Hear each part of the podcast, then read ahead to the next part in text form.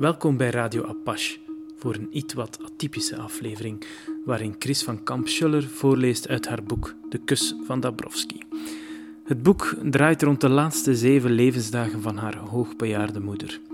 Voor haar moeder was wat de mensen zouden denken altijd van levensbelang, terwijl zij als dochter net de waarheid over haar bastaardschap levensnoodzakelijk achtte. De kiem voor het boek legde Chris deze zomer in een reeks op Apache, Groeten van gisteren, waarin ze aan de hand van vakantiefoto's in haar eigen verleden dook. Ook in haar boek verweeft ze verleden en heden in een web van emoties, herinneringen en inzichten. De Poolse psychiater Kazimir Dabrowski en zijn positieve desintegratietheorie vormen daarbij haar leidraad en houvast. Ook in de reeks die Chris voor Apache maakte over burn-out speelden de ideeën van Dabrowski al een voorname rol. Behalve haar eigen verhaal vertellen, wil Chris met haar boek de wereld ook kennis laten maken met Dabrowski en zijn methode. Volgens Chris biedt hij een fascinerende, baanbrekende kijk die de vloer aanveegt met alle diagnoses, wat volgens haar verklaart waarom vandaag geen therapeut, psycholoog of psychiater hem nog kent. Hij beschouwt een innerlijk conflict namelijk niet als een ziekte, maar als een remedie om beter te worden. Dan laat ik nu het woord aan Chris. Omdat het home te verstikkend was, had ik even een ommetje gemaakt. En wanneer ik terug in de kamer kom, is mijn broer aanwezig. Ah, hier zijt gij. Ik zag uw zak hier staan en ik dacht, godomme, waar zit hij nu? Mijn broer zit op zijn vertrouwde plek aan tafel met beperkt zicht op mijn moeder. Ze hebben haar tijdens mijn afwezigheid op haar andere zijde gelegd. Ze kijkt nu naar de muur. Van op de twee enige zitplaatsen zie je alleen nog een gekromd ruggetje en hagelwit haar. Ze lijkt in foetushouding te gaan, terug naar af. Het laatste wat ik haar toewens is een retourtje Siberisch koude moederschoot. Vooraleer ik me weer aan het tafeltje zet, loop ik even om het bed heen om haar zacht te zeggen dat ik terug ben. Voor het eerst geef ik spontaan rekenschap van mijn doen en laten. Iets waar we altijd discussies over hadden. Moeten voorspellen wanneer ik terug thuis zou zijn, haalde alle pret uit het weggaan. Waarom jezelf al die beperkingen opleggen, louter voor de gemoedsrust van anderen? Ze reageert niet. Ze snurkt een beetje, dat wel. Ik haal mijn broer erbij om te onderzoeken of het geen doodsreutel is die we horen. Ze onderbreekt het geknor met gesmak. Nee, ze slaapt. Vast door de morfine. Mijn moeder, de junkie. We praten over de begrafenis. Het voelt onkies aan nu ze nog leeft. We proberen te voorspellen wanneer de dienst plaats zou vinden. Als ze vannacht nog sterft, of als ze morgen of wie weet overmorgen sterft. Bij een mens zit geen bijsluiter met een verzekerde vervaldatum. Mijn broer heeft het vooral over mensen die verwittigd moeten worden, over adressen verzamelen en namen achterhalen. Hij begint aan een lange opsomming. Bij de meeste namen, veelal mensen uit haar toneelkring die ik opnoem, antwoordt hij met dood. Wiske overleefde ze allemaal, zelfs haar jongere opvolgster. We gaan niet op zo'n rijtje staan aan de ingang. Ik wil het risico niet lopen dat men mij negeert. Ik zeg het vrij stellig, hij gaat akkoord. Dat is ook schrikken.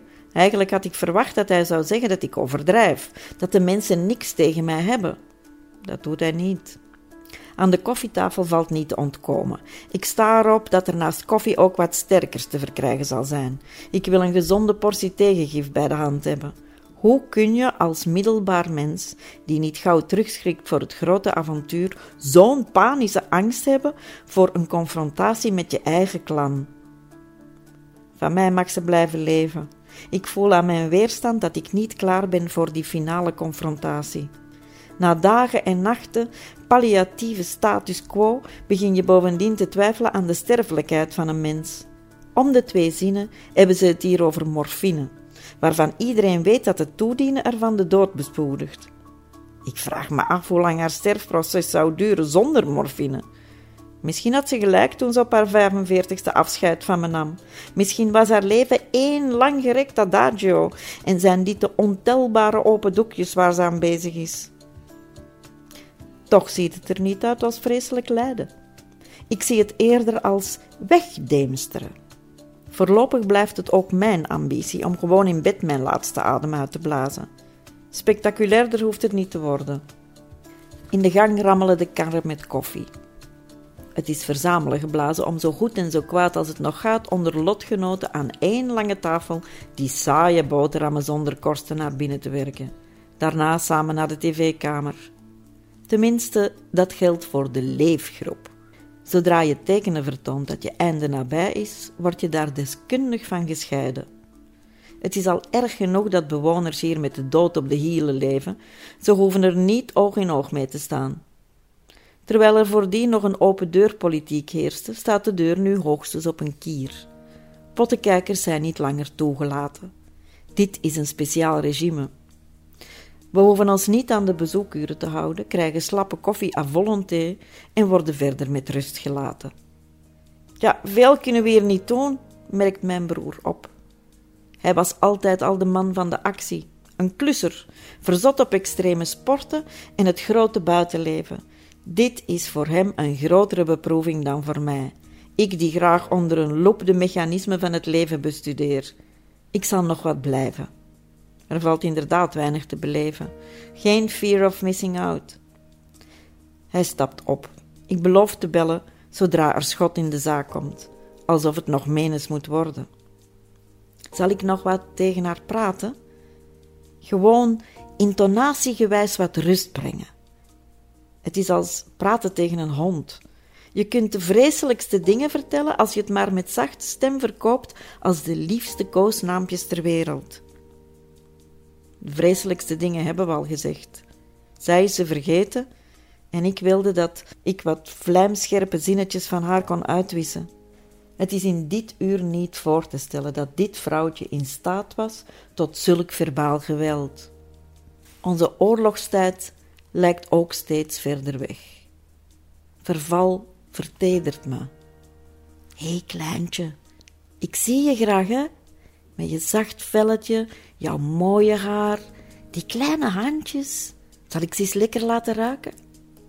Ik verstuif wat eau de parfum die ik nog in haar badkamerkastje vond op haar dunne polsjes en op haar hoofdkussen. Ik zing. Ik zing voor haar naar eigen vermogen, een beetje parlando.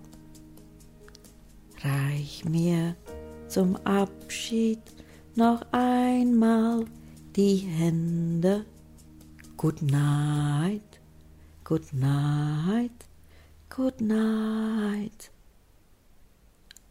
Het was het lied uit de operette Victoria en haar huzaar dat me de das omdeed op de begrafenis van onkel Rick, alias mijn vader.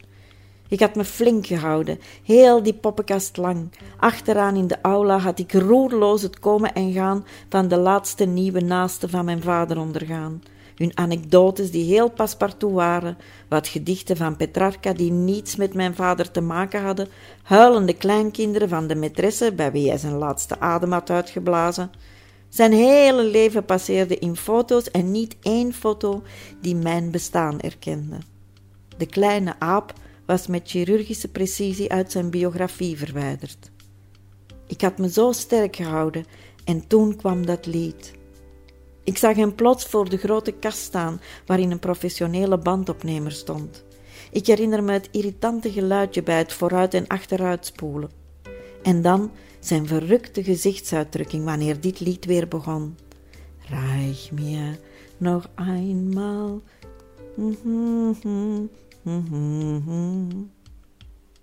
Een afscheidslied op een moment dat ik me niet kon voorstellen dat we nooit de kans zouden krijgen om afscheid te nemen. Tot in die aula. Ik brak. Exact één iemand uit de toneelvereniging die heel goed wist dat ik onuitgenodigd mijn vader kwam begraven, greep mijn hand vast en wisselde een paar troostende blikken. Ik was dertig en zou nooit meer een vaderskind zijn. Bij het buitengaan ontmoette ik kort zijn weduwe, mijn Marijne. Ze had me niet eens een rouwbrief gestuurd, maar leek ook niet verrast dat ik er was. Ze maande me aan mijn tranen te drogen dat eeuwige, wat moeten de mensen wel denken? Er was stilte, niet eens een omhelzing. En toen zei ze dat enigmatische zinnetje. Waarom heb je dat met hem gedaan, als ik het nu nog was geweest? Ik begreep het niet. Maar vooraleer ik nog maar mijn verbazing kon uiten, was ze alweer, omringd door haar possen, verdwenen. Tot op de dag van vandaag heb ik geen clue waar het over gaat. En wanneer ik het lef had om getuigen erover te bevragen, ging niemand erop in. In mijn verhaal was ik misschien niet de winnaar die hij graag van mij gemaakt had, schoof hij me aan de kant en verloochende plots onze band. Je ziet het wel vaker dat oude Don Juans, als ze wat kwalen krijgen, onder de rokken van moeder de vrouw verdwijnen.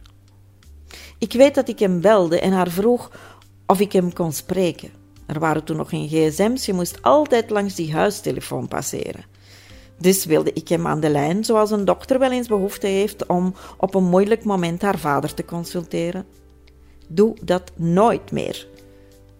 Wat moeten ze daar nu over denken? Dat zei hij. Ik heb een flauw vermoeden wie ze zouden kunnen zijn. Mijn valnet bleek imaginair te zijn. Ik was alleen. Ik had geen idee hoe ik moest leven, verwarring en emotionele rampzaligheid alom. Daarna heb ik nooit meer gebeld, ben ik nooit meer langs geweest.